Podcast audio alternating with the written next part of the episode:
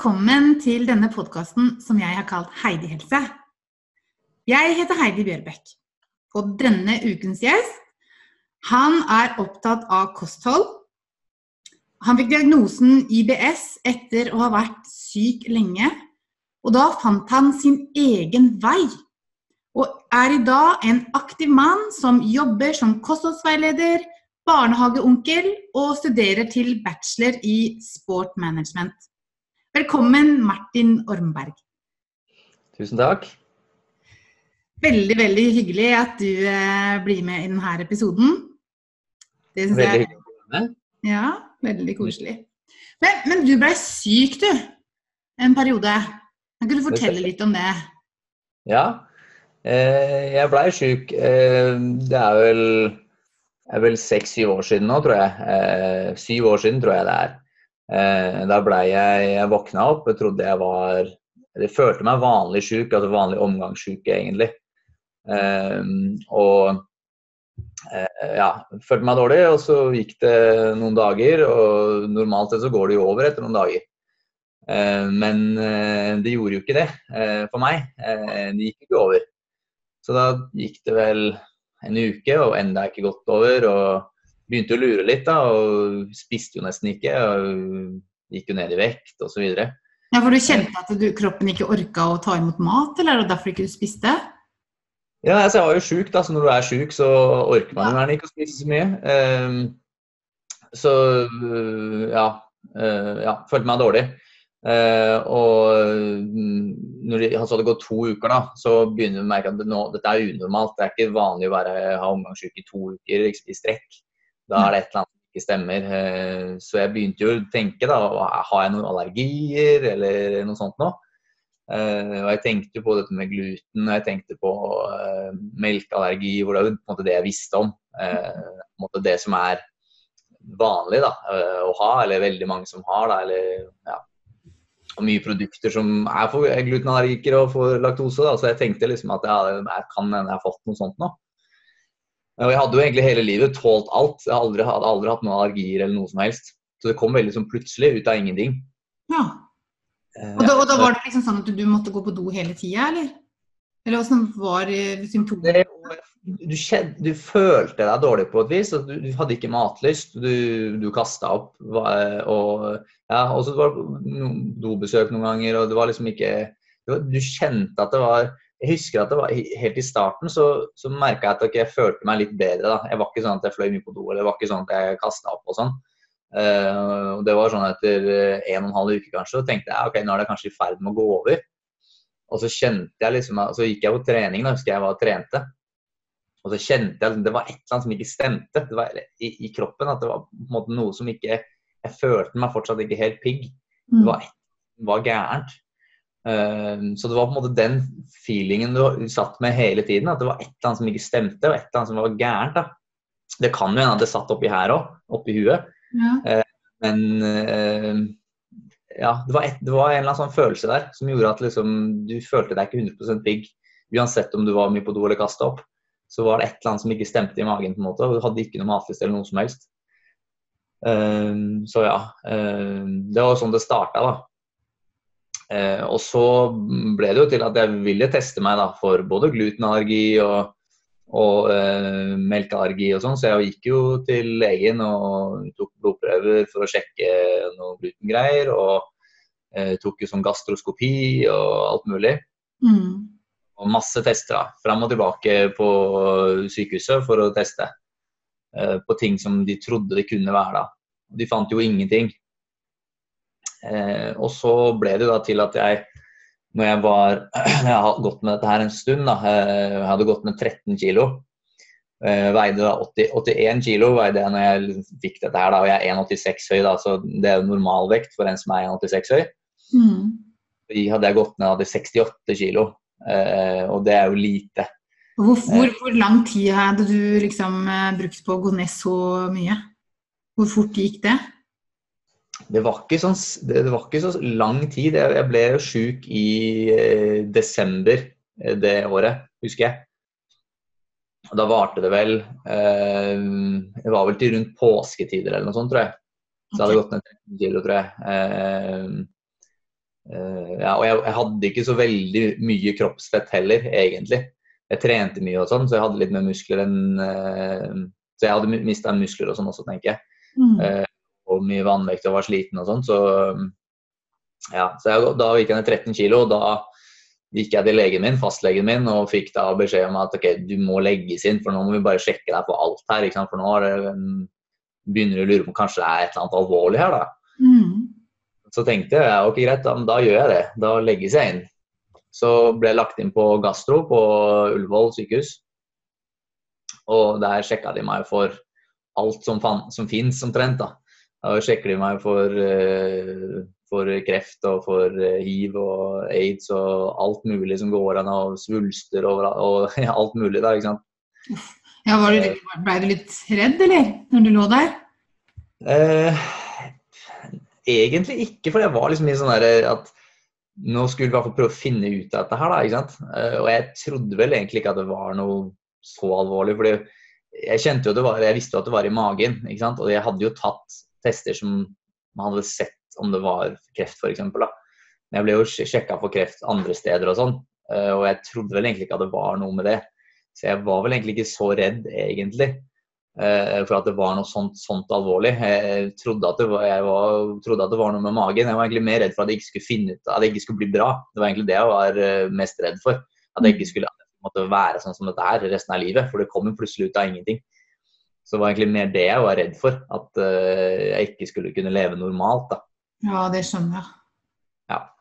Så da fikk jeg, var jeg der en uke og testa for alt, omtrent. Og de sa at dette, vi finner liksom ikke ut av det, egentlig. da. Eh, og da sier ofte de Når man ikke finner ut av det, så sier man gjerne at du har IBS. Eller du har irritabel tarm. Så det var det jeg fikk beskjed om da.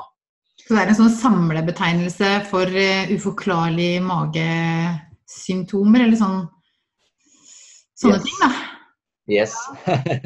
ja, det er, det, er det, det er, nok det, veldig mange føler. Eh, som av de som, har, eh, de som har IBS, eller de som har fått beskjed om at de har IBS, så føler de nok at de egentlig ikke har funnet ut av hva man har, og så må man prøve å leve med det sånn som det er, eller så må man prøve å finne sin vei, finne ut av hva er det som er gærent her selv. da. Eh, og så finner man ikke ut på noen tester om hva man faktisk har. Det er en sånn som du sier, det er en samlebetegnelse for kan være flere enn én sykdom. Kan, kan hende det er fem forskjellige sykdommer som vi egentlig ikke vet hva er ennå. Ja. ja, for uh, IBS, hva er, det, hva er, det, det egentlig eh, er for noe? Det, det er irritable um, bowel syndrome, er det? Ja, irritable bowel, bowel syndrome. Ja. Irritabel tarmsyndrom. Ja. Norsk? yes, riktig. Så det, er, så det, er jo det du på en måte sier. da, liksom, de, når, når, jeg fikk beskjed om det, så sa de ikke at det var IBS, de sa at det var irritabel tarm. Ja. Eller tarmsyndrom, sa de da. Eller irritabel kolon, eller noe sånt, husker jeg de sa. Uh, og at du bare må lære deg å leve sånn her. Det var liksom det som var greia da. Mm. Så uh, ja. Så jeg gikk jo et annet sted for å få hjelp, da. enn ja. uh, ja, for det, det, det som er, det det, Jeg leste på det her eh, helsenorge.no, så så jeg at eh, det er ca. mellom 8 og 20, 25 av den norske befolkningen rammes av det her. Så det kan jo være ganske mange da, som går rundt og har, har IBS, egentlig? Ja, jeg tror, jeg tror, det er mange som går rundt og har det. Eller som har det som noen betegner som IBS. Men så tror jeg også det er mange som fort vekk spesielt i dagens samfunn, at det fort vekk er noe hvis man er, føler seg dårlig en periode, eller man føler seg kanskje oppblåst, eller man føler seg kvalm i perioder, at det er fortere til å trekke den konklusjonen sjøl, raske til å trekke den konklusjonen sjøl. At OK, ja, kanskje jeg har IBS, kanskje jeg har irritabelt tarmsyndrom. og så eh, Jeg har hatt venner og bekjente da, som, har, som, de, som vet, selvfølgelig vet hva jeg har, og spurt meg liksom, jeg lurer på om jeg kanskje kan ha noe sånn, jeg òg. Mm. Og så spør jeg dem da, ok, hva, hvordan er det du har det og sånn. Hva er det du på en måte forteller det litt. Og så tenker jeg at dette her er veldig veldig mildt i forhold til sånn som jeg hadde det. Så det kan folk gå rundt og tror at de kanskje har et eller annet, men som Altså, det er normalt å ha vondt i magen innimellom. Ikke sant? Det er klart det er det.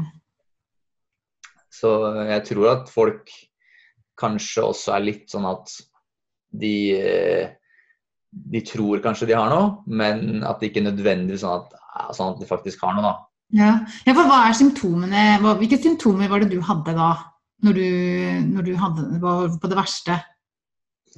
Jeg var mye kvalm, og så var jeg mye på do.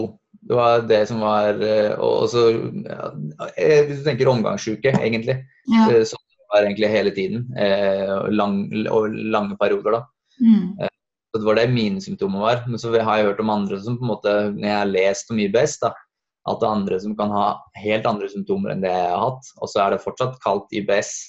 Så det kan jo hende at det kanskje er en sykdom noen andre har, og så er det kanskje jeg som har en sykdom som er noe annet enn det de andre har. da. Men så er alt liksom satt i én bås, da, når man ikke har funnet ut av det ennå. Ja, for noen kan jo få forstoppelse helt. Er det ikke sånn nå?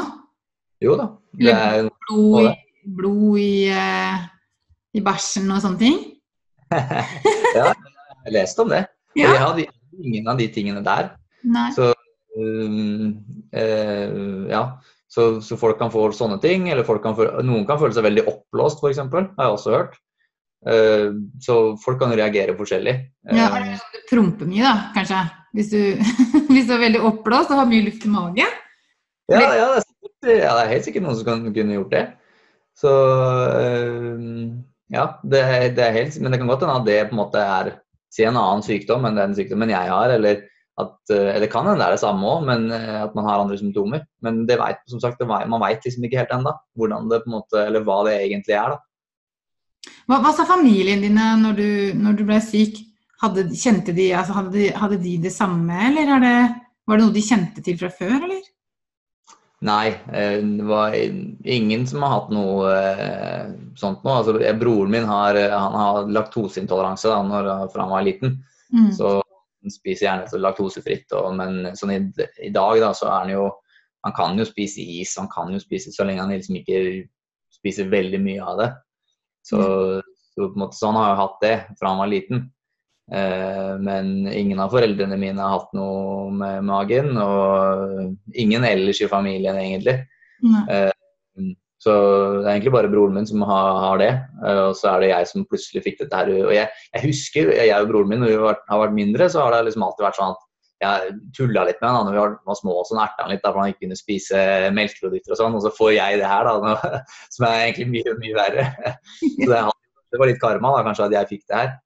Men eh, Ja, kanskje det. Men, men så sier du at du, du reiste til noen andre for å få hjelp. ja. Eh, Det var en eh, litt sånn alternativ klinikk jeg gikk til. Mm. Eh, fordi på den tiden så var jeg veldig sånn at jeg gjør egentlig hva som helst for at jeg skal bli bra. For jeg ble jo ikke bra, jeg fikk jo ikke noe hjelp egentlig, følte jeg, der jeg var. Og de sa bare at du måtte lære å leve sånn her, og tenkte jeg at jeg kan ikke leve sånn som jeg gjør nå. For da kan ikke jeg ha noe jobb eller ha noe eh, gå på noen skole eller noe seinere. Jeg, kan jo ikke leve ordentlig. Det vil ikke være noe ordentlig livskvalitet og, og, ja, ha sånn som jeg hadde det da. Så da gikk jeg til en um, alternativ klinikk, som jeg sa, og eh, de tok noen tester, da. Eh, og de testene, det var noen blodprøvegreier. Så jeg husker ikke helt hva den testen het, men det var i hvert fall sånn at det normale, eh, de scoringene du har på forskjellige matvarer, da, det var, normale var å score mellom 0 og 0,35. Det var det som var vanlig. Eh, Så, så hvis du tåler alt, så scorer du Sier du tåler havre, så scorer du mellom 0 og 0,35. Det er helt normalt. Jeg scora 195 og sånne ting. Så jeg hadde veldig høye score i forhold til på mye av de tingene jeg ikke tålte. Og Grunnen til at den ikke er godkjent i Norge som, eh, å bruke på sykehus, som er veldig strenge i Norge på sånne ting, eh, og de tingene man hadde spist mye av i det siste, de kunne slå ut på den testen Mm. som jeg tok. Eh, Men jeg, som, jeg skjønte jo hva jeg Jeg vet jo hva jeg hadde spist mye av. Jeg visste jo det. Så jeg så jo jeg hadde spist mye banan, f.eks. Det slo ut kanskje sju eller noe, da. Ikke sant? Så hadde jeg spist mye egg, da. Slo ut ni. Ikke sant? Sånne ting. Sånn at det slo ut veldig mye mindre enn de tingene jeg faktisk ikke tålte. Så det var veldig lett for meg å se disse tingene her. De tåler jeg ikke. Disse tingene her, de tåler jeg sannsynligvis. Er bare at jeg har spist mye av det i det siste. Men i Norge så, så er man så strenge på sånne ting, så man har liksom ikke lov til å bruke det i type Men de brukes en del i utlandet, vet jeg. de sa det ble brukt en del, del i Spania og i Storbritannia og sånt. da. Mm. Mm. Hvordan fant du de som hjalp deg? Eh, jeg googla. så da, da, gikk jeg Det var en alternativklinikk i Oslo da, eh, som jeg gikk til. Og så eh, gikk jeg dit, og så var det den derre eh, Så fant de ut av de greiene der, og så satte de opp en diett for meg, da. Eh, som var en sånn elimineringsdiett. Hvor jeg liksom skulle se da på de tingene som jeg slo ut på. Kutte ut alle de tingene. Og så I tillegg så begynte jeg å spise helt, helt rent, bare. Hva, hva, var det du, hva var det, som var helt rent? Hva var det da? Hva besto det av? Det var kun Det kunne være kylling f.eks. Eh, og annet kjøtt. Fisk. Eh, ris. Eh, ingen, så ingen blandingsprodukter. da, Det var liksom det som var på en måte greia. Ingen blandingsprodukter i det hele tatt. Eh, så jeg kunne spise potet, men det hadde de lagt til, for det hadde slått ut bitte lite grann på den testen. Så det hadde de bare lagt inn sånn annenhver dag. Kunne ha potet annenhver dag. Tomat var sånn annenhver dag også. Uh, og en del andre grønnsaker som også var sånn annenhver dag, som jeg kunne ha. da.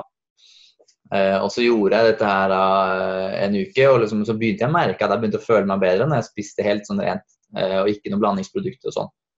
Um, og så introduserte jeg da én og én matvare hver uke. Så introduserte jeg for eksempel, så jeg introduserte yoghurt. da. Og så tok jeg den i dietten, introduserte det, og så gikk det dårlig. Så kjente jeg at jeg reagerte på yoghurten. Fordi Før så var det på en måte veldig vanskelig å vite hva jeg reagerte på. Fordi da var det, Jeg visste jo ikke helt hva Si jeg hadde spist yoghurt og si at jeg hadde spist uh, en brødskive, da. Visste jeg ikke om jeg reagerte på den yoghurten eller brødskiven eller det pålegget på den brødskiven for den saks skyld, eller om jeg har drukket et eller annet jeg ikke har tålt. ikke sant? Men da jeg på en måte tok alt ut av dietten min, og jeg merka at dette hjalp, så var det enkelt å introdusere en og en matvare. Mm. Uh, jeg da uh, kjente, Da var det mye enklere å kjenne da, uh, om jeg faktisk reagerte på denne matvaren. For da visste jeg at jeg ikke reagerte på noen av de andre. Så da gjorde jeg det hver uke. Hvis jeg tålte det, da. Hvis jeg hadde spist yoghurt og det gikk bra, så kunne jeg fortsette å spise yoghurt. Men, men Spiste du da yoghurt hver dag den uka, eller?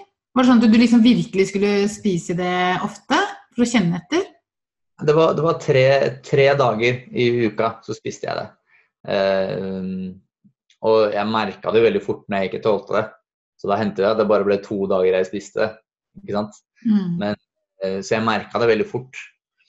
Uh, så hold, jeg holdt på sånn i et halvt år, da, hvor jeg på en måte introduserte ting i dietten min. Og så etter hvert så begynte jeg å skjønne ok, det er disse tingene her jeg ikke kan spise. Mm. så var det også det, På den testen så hadde gjær slått ut, og gjærekstrakt. så det er veldig mye som det er gjærekstrakt i. Ja. Og, og gjær, hvis det er noe bakst, altså mye glutenfrie produkter kunne jeg jo egentlig spise, men siden det var gjær i det, eller gjærekstrakt, så kunne jeg liksom ikke spise det likevel. da. Um, men det har også blitt bedre med tiden, så, så gjær og gjærekstrakt sånn går mye bedre enn det gjorde. Ok, Men gjærekstrakt, er det liksom det samme som bakepulver og sånn, eller? Eller er det noe annet? Det er noe annet, tror jeg. Uh, jeg er egentlig litt usikker på hva det Altså det brukes i en del blandingsprodukter og sånn, en del liksom bakst og sånn. Så, så er det, og hvis du ser bakpå pakker på hvis det er en ferdig saus eller noe sånt, så er det ofte gjærekstrakt i.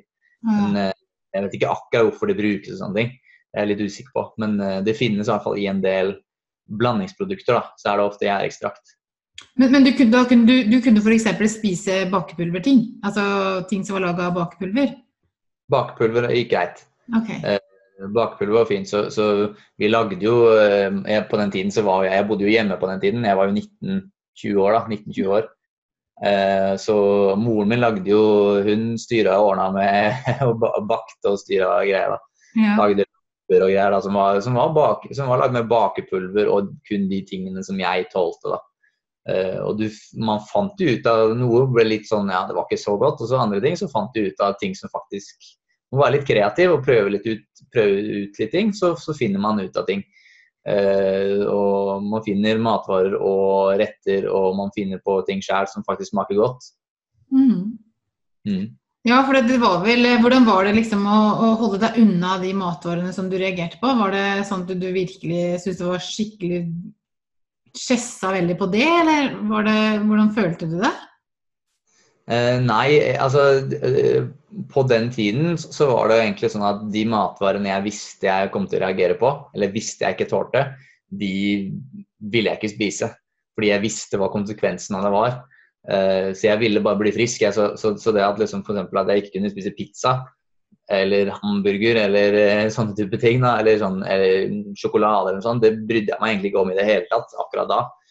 Men så har jeg egentlig aldri vært noe sånn voldsomt voldsom godtemoms, egentlig. Og jeg har egentlig spilt, spist relativt sunt egentlig hele livet. Sånn fra jeg var uh, liten. Var jeg spilte mye fotball og sånn da jeg var yngre, og, var, vel, og var egentlig litt seriøs med kosten og sånt da òg. Mm. Jeg spiste ikke så mye junk og potetgull og godteri og sånn. spiste jeg liksom ikke så mye av, så det var på en måte ikke så sinnssykt vanskelig å la være. Eh, I hvert fall ikke som, som jeg sa da, i hvert fall ikke når man da visste hva konsekvensen ville være. Hvis jeg spiste dette, så ville jeg bli dårlig, og det var på en måte ikke verdt de Si jeg spise pizza da, i en halvtime, så var det en halvtime med at jeg nøt en pizza, var liksom ikke verdt to dager med dårlig mage. da. Så da uh, valgte jeg heller å ikke gjøre noe med det. Men sånn i dag, da, så er det litt verre. Uh, med, jeg, jeg, lager meg jo pizza sånn i dag. Jeg har jo blitt bedre i dag. Så jeg, det er ikke sånn at jeg må holde meg unna alt i dag. Jeg har på en måte, Kroppen har vent seg til det etter hvert. Uh, så jeg er veldig mye Jeg føler meg frisk i dag. Mm. Jeg kan spise det meste. Jeg holder meg stort sett unna glutenting, da, ting med gluten i. Uh, og, men gjær og gjærekstrakt og sånn tenker jeg ikke så veldig mye på. Uh, og uh, melkeprodukter går også veldig fint, egentlig. Jeg pleier ikke å drikke ren melk. Det gjør jeg ikke. Men jeg kan spise ost f.eks., eller eh, hvis det er noe melk i et eller annet, så går det som regel fint. Rømme og sånne ting går også fint. Mm. Mm. Ja, for det, det, virker jo som den sykdommen er liksom du, du spiser ting Før man blir syk, da, så spiser man bare uten å tenke på hva man spiser, så blir man syk. Da har man spist for mye av de tinga som man blir syk av. Og så når du liksom Når, når du nå har eh, endra på kostholdet ditt, så så tåler du allikevel noen av de tinga som du tålte dårlig når du, hadde, når du var veldig sånn sensitiv?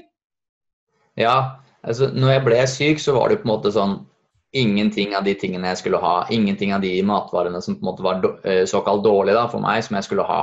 Da spiste jeg jo ingenting av de. Eh, og så husker jeg fikk beskjed om det at um, etter hvert, når du begynner å bli frisk og føler deg bedre, så kan du prøve å reintrodusere litt grann av mm. enkelte matvarer som du da egentlig ikke tåler. Uh, så da f.eks. Uh, melkeprodukter, da. Uh, si de sa OK, du kan prøve å Eller sjokolade, f.eks. Hvis du vil Tar du kanskje én sånn knekk med sjokolade, eller én sånn liten rute med sjokolade. Ser du om det går fint. Og så gikk jo det fint. Og så neste gang da kunne du prøve to, da. ikke sant? Og så, så har jeg vært noen ganger hvor jeg driter meg ut og jeg har eh, spist for mye av en ting. ikke sant? Uh, men sånn i dag, så akkurat det med melkeprodukter og sånn, det går egentlig veldig fint. Jeg prøver å kanskje spise noe laktosefritt og sånn, men stort sett så er egentlig ikke melkeprodukter så veldig gærent lenger. Men, men hvis, liksom sånn, eh, hvordan ser liksom en ukes matoversikt over hos deg? da? Sånn til frokost f.eks. Hva er det du spiser da? Eh, til frokost Jeg pleier normalt å spise noe enkelt. Eh, jeg pleier som eh, regel å spise knekkebrød, men da er det, det er glutenfrie. da. Sånn eh, Kia eh, med Kia-frø og sånn eh, er det jeg pleier å spise da, også med noe pålegg på. Noen Lager du det sjøl, eller? Hva sa du? Lager du de sjøl? nei, det gjør jeg ikke. Jeg kjøper i butikken. ja? De har det I glutenfri-avdelinga så står de da så eh, de har mye, fått mye bedre utvalg på glutenfrie produkter nå mm. enn det de hadde. Ja. Så jeg syns at de knekkebrødene der er ganske gode. Eh, så eh, jeg pleier å kjøpe de. Altså, til frokost så er det som regel, som regel de. hvis jeg jobber på dagen og må ha med meg lunsj, så hender det at jeg har knekkebrød da også, med noe magert pålegg på, f.eks. Mm. Og så pleier det å være til middag så lager jeg meg eh, typisk middagsmat, sunne måltider. Jeg pleier liksom å ha si jeg har noe magert kjøtt f.eks., eller eh, med enten ris ved siden av, eller poteter, eller noe sånt noe. Eh, eller, eller fullkornspasta. eh, og grønnsaker. da. Og så pleier jeg å bruke de grønnsakene jeg vil ha. Um, det er sånn typisk, typisk måltid for meg. Altså kveld så, så, er det litt sånn Det kommer an på om jeg har lyst til å lage noe. Uh, eller om jeg har lyst til å bare ta noen knekkebrød. Spørs hvor mye jeg har gjort den dagen, f.eks. Ja. Yoghurt er jo kjempeenkelt, egentlig. Yoghurt med litt havregryn eller noe sånt. Men jeg vet ikke om du tåler det? Ja, nei, altså, jo, Jeg kunne nok spist litt yoghurt. Jeg har liksom ikke testet det så veldig mye ut, egentlig. Fordi det har på en måte vært såpass mye annet jeg har følt jeg kunne spise, så jeg har på en måte ikke savna det så mye. Men jeg har vært litt sånn jeg kunne kanskje har vært godt å spist kesam f.eks. Mager kesam eller noe sånt noe. Syns jeg hadde vært godt å f.eks. hatt noe havregryn oppi eller et eller annet sånt. Uh, men havregryn kan jeg jo heller ikke spise så mye av. For det er, det er jo egentlig ikke, for meg, da, så er det jo i hvert fall Det er jo egentlig ikke glutenet i seg selv jeg reagerer på. Det er ting som har gluten, stort sett har gluten i seg, sånn som f.eks. hvete, da, eller bygg, eller spelt, eller sånne ting, som, som har gluten i seg. De, de, produktene jeg ikke tåler, det er på en måte ikke glutenet som er det gærne. Så det har jo vært Jeg har jo prøvd å spise glutenfri havregryn, og det har ikke fungert. Det har ikke så selv om gluten er tatt ut av havregrynet, så er det på en måte det er havren på en måte jeg reagerer på. da. For jeg har jo ikke, gluten, har jo ikke glutenintoleranse eller cøliaki egentlig. Nei, men, men, hva har liksom det gjort for deg, det at du har hatt eh, eller har IBS? Hva har det liksom betydd for deg i livet ditt? Eh, det har jo Altså, jeg på en måte jeg har, måte, jeg, har tenkt litt på, har tenkt litt på det sånn seinere. Og det har jo på en måte betydd mye i forhold til det at jeg setter mye pris på mat, f.eks. Eh, og at liksom jeg har vært sjuk. Altså, jeg, jeg, jeg føler jo ikke at jeg har vært noe alvorlig syk. Jeg, jeg har jo ikke det. Det er jo så mange som har sykdommer og har det sinnssykt mye verre enn det jeg hadde når jeg var syk. Ikke sant? Så jeg, jeg føler jo egentlig ikke at uh, akkurat det på en måte har gjort så, så mye. Eh, annet enn at jeg setter mer pris på mat og setter pris på eh, det som kanskje er godt. Da, eller setter pris på eh, når jeg Så jeg faktisk kan spise litt pizza. Da. Setter, da setter jeg kanskje mer pris på det nå enn det jeg gjorde før. Mm. Så jeg gjør kanskje mer det at jeg setter pris på maten mer enn det jeg gjorde før. Ja, for du har, du har vel studert litt eh, kosthold, eller har du, der, du har noe der? Har du det? Ja, ja, jeg har det. Uh, jeg har, jeg har kostholdskurs da, uh, i, uh, som jeg tok i Norge. og så var jeg i USA og studerte litt i USA. og da hadde jeg bl.a. nutrition da, på, på, skolen. Så jeg har begge de to tingene. Og så, jeg, så, studerer jeg sport management. Der er det ikke noe kost, direkt, direkte retta mot kosthold eh, på sport management, men jeg har jo da det kostholdskurset, og så har jeg eh, nutrition da, fra University of Mississippi i mm. USA. Mm. Mm. som er min utdannelse da, innenfor kosthold. Og så har jeg selvfølgelig, siden jeg har hatt, hatt det jeg har, da, så har jeg på en måte drevet med dette lenge. Uh, og jeg har sett hvordan kroppen fungerer på forskjellige matvarer. Og jeg, også, jeg trente jo veldig mye. Eh, så jeg har jo på en måte også hatt den at eh, Og jeg, da ville det sånn jeg ville legge på meg mye muskler og bli sterk og sånne ting. Så jeg har jo på en måte vært der òg. Jeg har jo på en måte gått jeg, jeg var jo veldig tynn også når jeg var yngre, når jeg var liten. Og jeg har jo på en måte gått Jeg gikk jo mye opp i vekt også. La på meg mye muskler og fett selvfølgelig, og vannvekt og sånne ting. Og så har jeg jo gått ned liksom, når sommeren har begynt å nærme seg og hele den pakka der. da, ikke sant? Så har jeg gjort det òg. Så jeg har jo på en måte mye erfaring med det. Og så i tillegg at jeg har vært syk da, og da blir du veldig kjent med kroppen din når du har vært syk og tester ut ting. Og, uh, og du, når du er syk, så vil du jo prøve alt, egentlig. Du vil jo gjøre alt du kan for å bli frisk. Mm. Uh, da tester du ut mye og prøver mye, og du blir mye mer kreativ. På, så det kan jo være en ting da, som Jeg, jeg blir, har kanskje blitt mer kreativ, spesielt på kjøkkenet og sånn. da. Ja. Jeg blir mye flinkere til å lage mat enn det jeg var, enn det jeg var tidligere. Spennende. Jo, jeg ser du legger ut noen, eh, noen uh, oppskrifter innimellom også, som ser veldig godt ut. det er, det, som regel så er det jo veldig Det er jo på en måte det liksom, ofte jeg spiser sånn til typ middag. Så er det som regel, det er som regel noe kjøtt og noe karbohydrat i form av full, noe fullkornkarbohydrat, fullkornsris eller fullkornspasta eller sånne ting. Og så er det grønnsaker, da. Det er stort sett det der. Og så noen ganger så noe av det jeg har lagt ut, er jo på en måte har jeg byttet ut kjøttet, den, det jeg la ut sist på Instagram. Var jo, da var det jo med, med hummus da, istedenfor, som jeg laget med kikerter og litt sånn. da. Og det er sånne ting som jeg må bli flinkere til å lage. For jeg, er ikke noe, jeg, jeg er ikke noe god på å lage sånne, sånn hummus og kikerter og bruke sånne produkter, da. Så, mm. Men det er jo lurt å kunne variere. Det er, jo, det er jo ikke noe vanskeligere, det er bare å begynne å bruke det. Ja, så man må prøve seg, prøve seg frem, ikke sant? for det er på en måte Altså, Det verste som kan skje hvis jeg prøver meg frem, er jo at, uh, blir, at det ikke smaker så sinnssykt godt. Så spiser jeg det opp uansett. Jeg er ikke noe kresen av meg i det hele tatt, så jeg spiser jo opp alt jeg lager. Og så er jeg, er jo student også i tillegg, så jeg har jo ikke, det er ikke sånn at jeg har sånn sinnssykt med penger, liksom. Så når jeg lager mat, så jeg hater å kaste mat. da. Det har også kanskje blitt en sånn greie som um, etter at jeg, at jeg setter mye pris på mat. Jeg hater å kaste mat. Jeg syns ikke det er noe ålreit i det hele tatt. Så jeg spiser opp egentlig alt jeg har, stort sett. Og hadde jeg hatt hår, så hadde jeg revet meg i håret over at jeg kasta, kasta maten de få gangene jeg gjør det. Så ja, ja, ja. Men skriver du, noterer du ned hva du, hva du har i gryta? Sånn at du kan bruke det seinere hvis det smaker godt? Ja, altså, jeg, jeg, pleier ikke å notere det ned, men jeg pleier å huske okay, det jeg, eh, hvis det blir godt. da, Så tenker jeg ok, hva er det jeg har brukt oppi det her nå? Jeg, jeg vet jo sånn cirka hva jeg har brukt. Så, og da, hvis det blir veldig godt, så skriver jeg det gjerne ned. Ja. Eh, og gjerne sånn Hvis det er et veldig ålreit og sunt måltid, så pleier jeg gjerne å, å, skrive det ned så jeg kan legge det ut på Instagram eller ta noen bilder av det seinere f.eks. Eller når jeg lager det neste gang.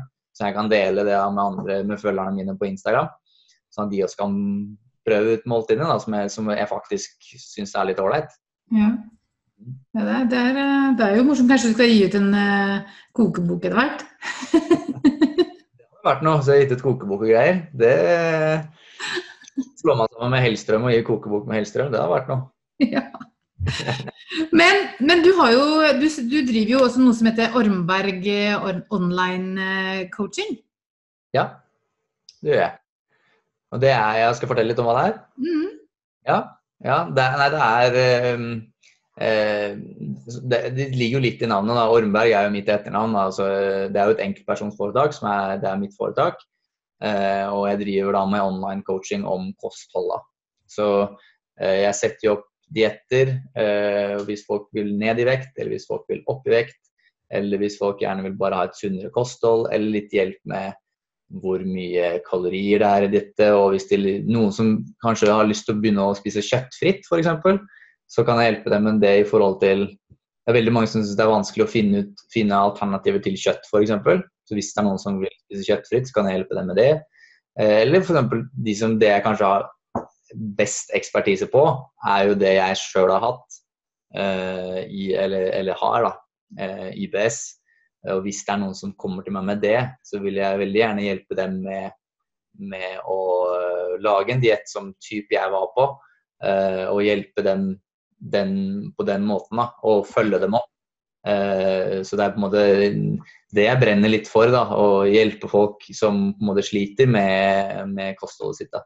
For de kan så lite om Vi lærer så lite da, på, si, på skolen f.eks., og det er egentlig et problem. Eh, I Norge er ikke problemet like stort som det er i f.eks. i USA, da, med fedme f.eks.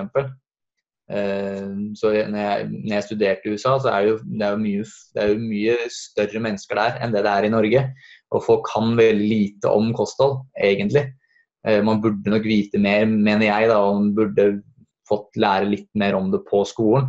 Jeg eh, husker når jeg gikk på skolen, så var det jo egentlig bare vi fikk jo egentlig bare vite at salat og fisk er sunt. og Du må ikke spise for mye sjokolade. Liksom. Det er på en måte det som er greia. da, og du vet faktisk ikke hva en kalori er, eller hva karbohydrater er, eller protein er og sånn.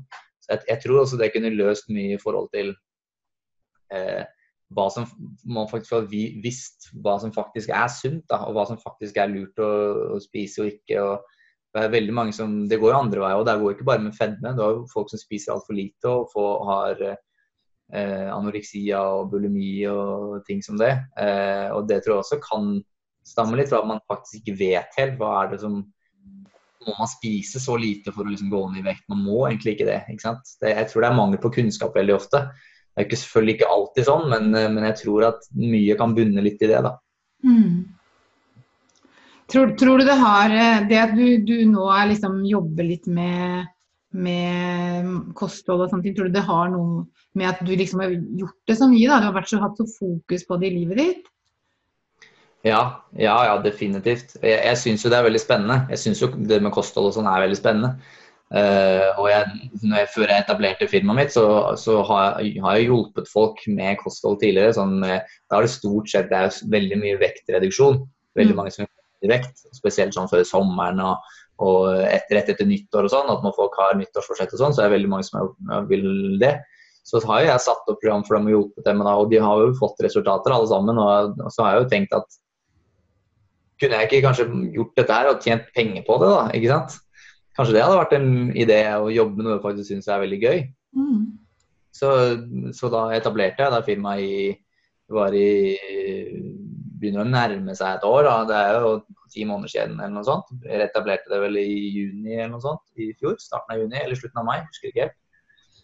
Uh, og så var jo jeg da et uh, halvår da i USA hvor jeg liksom ikke jobbet så voldsomt mye med det.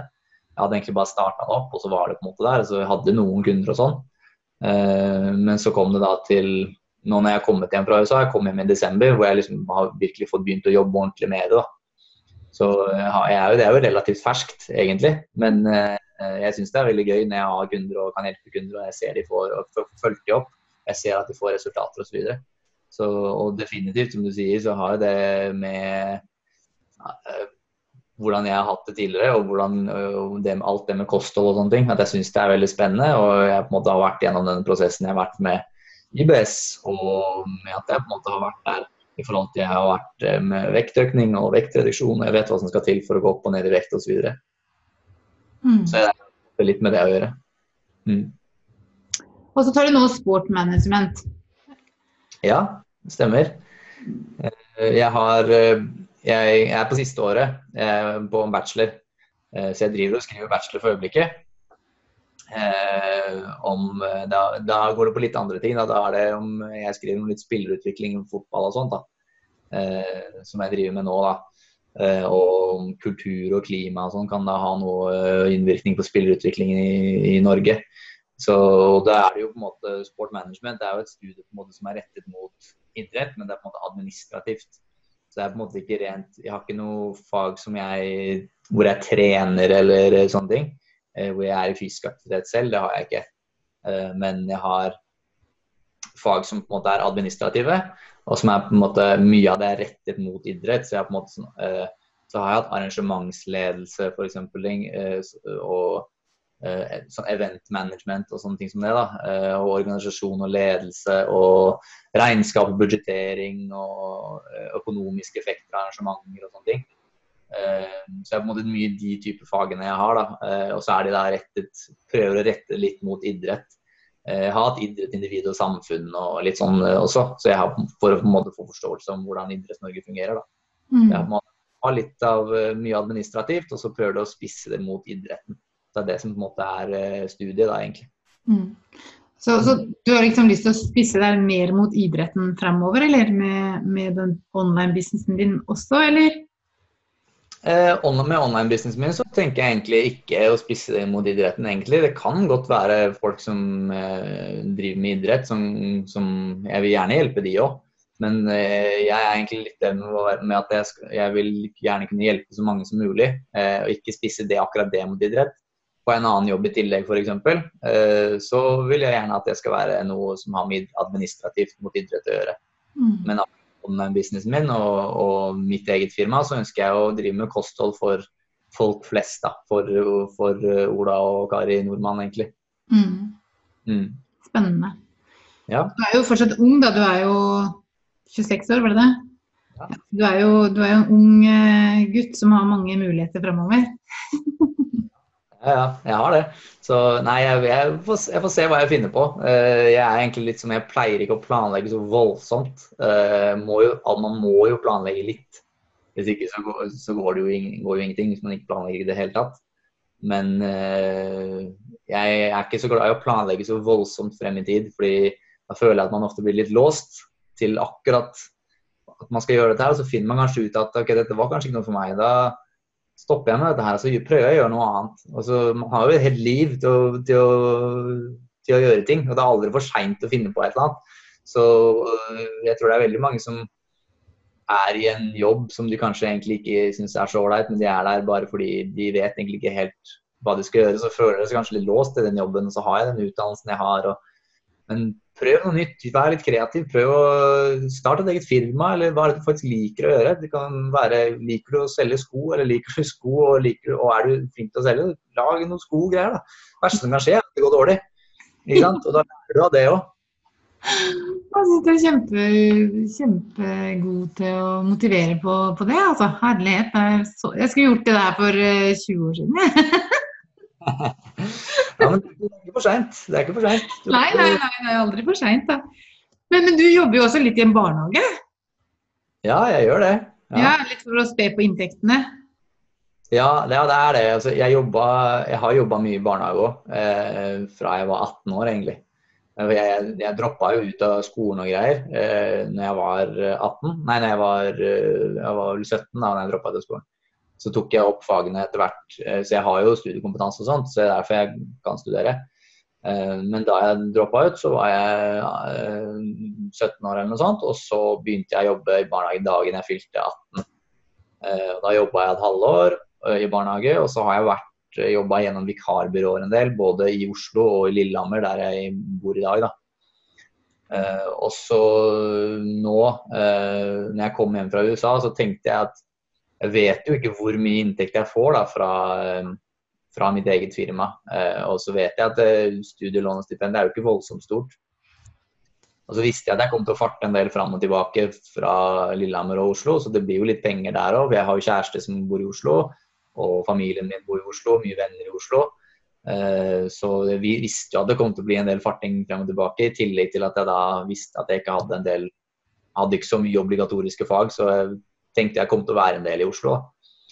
Så da eh, ja, så da ble det litt sånn at jeg, jeg, jeg tenkte at jeg trengte liksom en jobb, og så eh, hørte jeg med den barnehagen jeg hadde vært i en del tidligere, eh, som vikar, og lurte på om de trengte noe, og da, da gjorde de jo det, da. Så da har jeg jobba nesten 40 eh, 30-40 i barnehage i tillegg. Eh, I en barnehage i, i Lillehammer, da. Så det var veldig hyggelig. Men jeg, tror ikke det er Det er nok ikke noe jeg kommer til å fortsette med og gjøre videre. Jeg syns det er ålreit å jobbe i barnehage og sånn, men for meg så er det på en måte Jeg vil gjerne gjøre noe, som, noe annet som kanskje er å jobbe med barn og sånn ligger på en måte veldig naturlig for meg, føler jeg. Uh, så jeg har kanskje lyst til å gjøre noe som kanskje er litt mer utenfor min komfortsone og kanskje er litt mer utfordrende for meg. da. Sånn, det å starte eget firma f.eks. var veldig skummelt når jeg gjorde det. Og lyst, hadde, lyst å prøve, hadde lyst til å prøve å gjøre det, og det gjør jeg jo nå. Jeg driver jo mitt eget firma. Og nå føles det mye mer naturlig. Så det er viktig å gå litt utenfor komfortsonen sin og utfordre seg sjøl litt. Så så kommer man, kommer man, lange veier. og Jeg tror det er veldig viktig det i både i arbeidslivet og generelt å kunne være litt allsidig. Å kunne, være, å kunne litt flere ting. Det er veldig mange som bare kan én ting eh, med jobb, f.eks.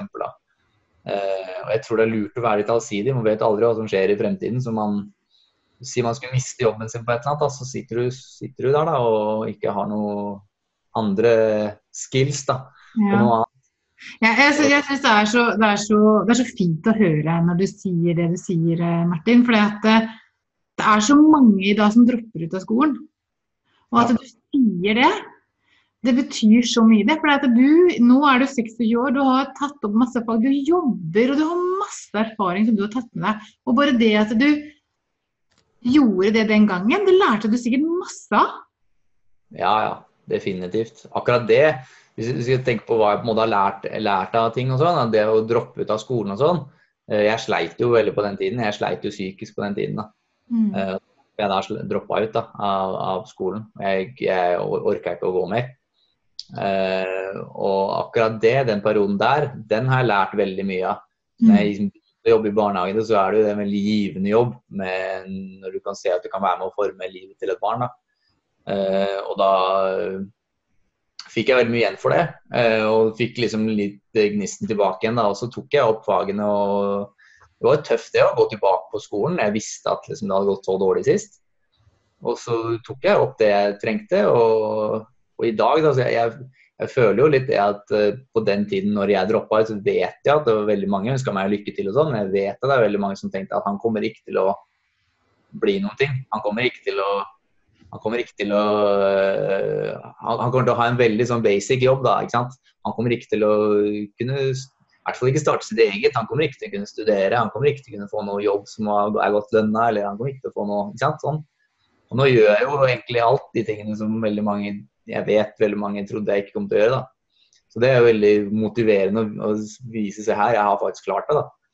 Vet du hva, det, jeg syns det er så fantastisk. Og det her Å, det skulle vi Å, hadde jeg visst det, så skulle vi snakke mer om det her, altså. For det, det syns jeg er så interessant, fordi at du virkelig har gjort det som eh, Mange gjør jo det, dropper ut og sliter psykisk når de er unge. Og det er så viktig å tenke at men det går bra uansett. Man, man kommer seg jo videre. Og hva ja. andre tenker, det skal ikke vi bry oss om. Vi skal bare ta vare på oss sjøl ved å være snille med oss sjøl, og så, så er det der, Og da kommer vi oss videre.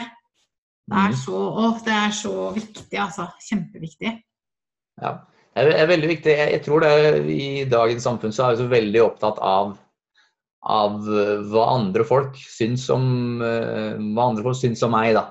Eller, eller sånn. Da. Og jeg tror det er viktig det å, å faktisk kunne faktisk kunne være trygg på seg sjøl og faktisk gjøre det du sjøl vil. Og tørre å stikke huet litt frem da, og tørre å være seg sjøl. For jeg tror det er veldig mange som egentlig ikke er helt seg sjøl. Uh, og gjør det som veldig mange andre forventer at du skal gjøre.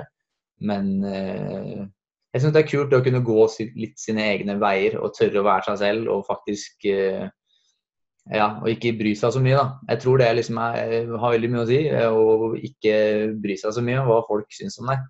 Det, alle gjør jo det litt, ikke sant? uansett. Men ikke bry deg så voldsomt mye om, om det.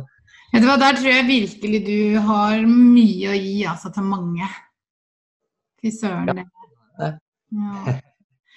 Du, Martin, vi, nå begynner vi liksom å komme på overtid her, men jeg, jeg har noen par sånne, tre sånne små, korte spørsmål som jeg ville spørre deg om. Ja. Hvordan ja. du starta morgenen i dag?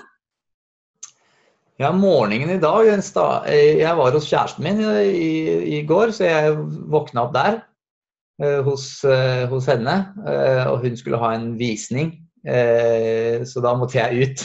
så, det var, så sånn jeg starta dagen. Og så skulle på Jeg skulle jo på, eh, på podkast, så eh, da passa det fint. Ja. Så det var sånn jeg starta dagen i dag. Så neste spørsmål, da. Hva er din favorittdrikk? Min favorittdrikk eh, Jo, eh, min favorittdrikk eh, Hvis jeg skal kose meg litt Det høres kanskje rart ut og teit ut, men eh, solrik den røde solrik, det er jo for barn, da. Men den oh, ja, ja, jusen! ja, sånn liten jus. Ligner litt på sånn Kuli og sånn. En sånn liten jus syns jeg er veldig godt. så hvis jeg visste Så hvis jeg skal kose meg litt, så er, det det, så er det ofte det jeg drikker, da. Ja. Så, uh, ja, altså normalt sett så drikker jeg stort sett egentlig bare vann eh, normalt sett. Altså, hvis jeg er på restaurant og sånn, så drikker jeg ofte bare vann, egentlig. Mm. Så jeg er ikke glad i kullsyre blitt. Så mm, jeg blir solrik som regel, da. Mm. Og så det siste, da. Men hvilke ingredienser trenger du for å ha et godt liv? Det er eh, venner, eh, familie. Eh, stort sett de menneskene som er rundt meg, eh, og de som er glad i meg, og de som jeg er glad i. Det er de som er hovedingrediensene mine for et godt liv. Eh, og selvfølgelig å være sunn og frisk. Det hørtes veldig, veldig fine og gode verdier. Mm.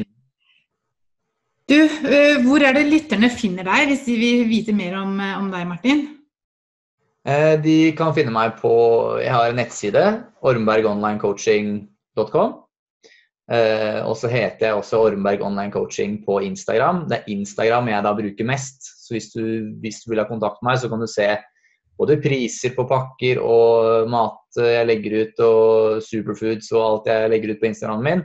Eh, kan du titte på da hvis du søker opp Ormberg Online Coaching. Da. Mm. Spennende. Og um, Akkurat det siste vi snakka om, det, det syns jeg var så Det traff hjertet mitt, altså. Ja, det er bra. Ja, det var kjempebra. Du kan jo også finne på, altså, finne på mail òg, altså. Du kan Ja, finne på ja. mail. hva er, hva er mailadressa di? Det er ormbergonlinecoaching at outlook.com. Ok. Ja. Da sender dere en mail til Martin hvis, når dere vil snakke med han. Yes, gjør det. Ja, gjør det. Og tusen, tusen takk, Martin, for at du ble med på denne episoden. Tusen takk for at jeg fikk være gjest.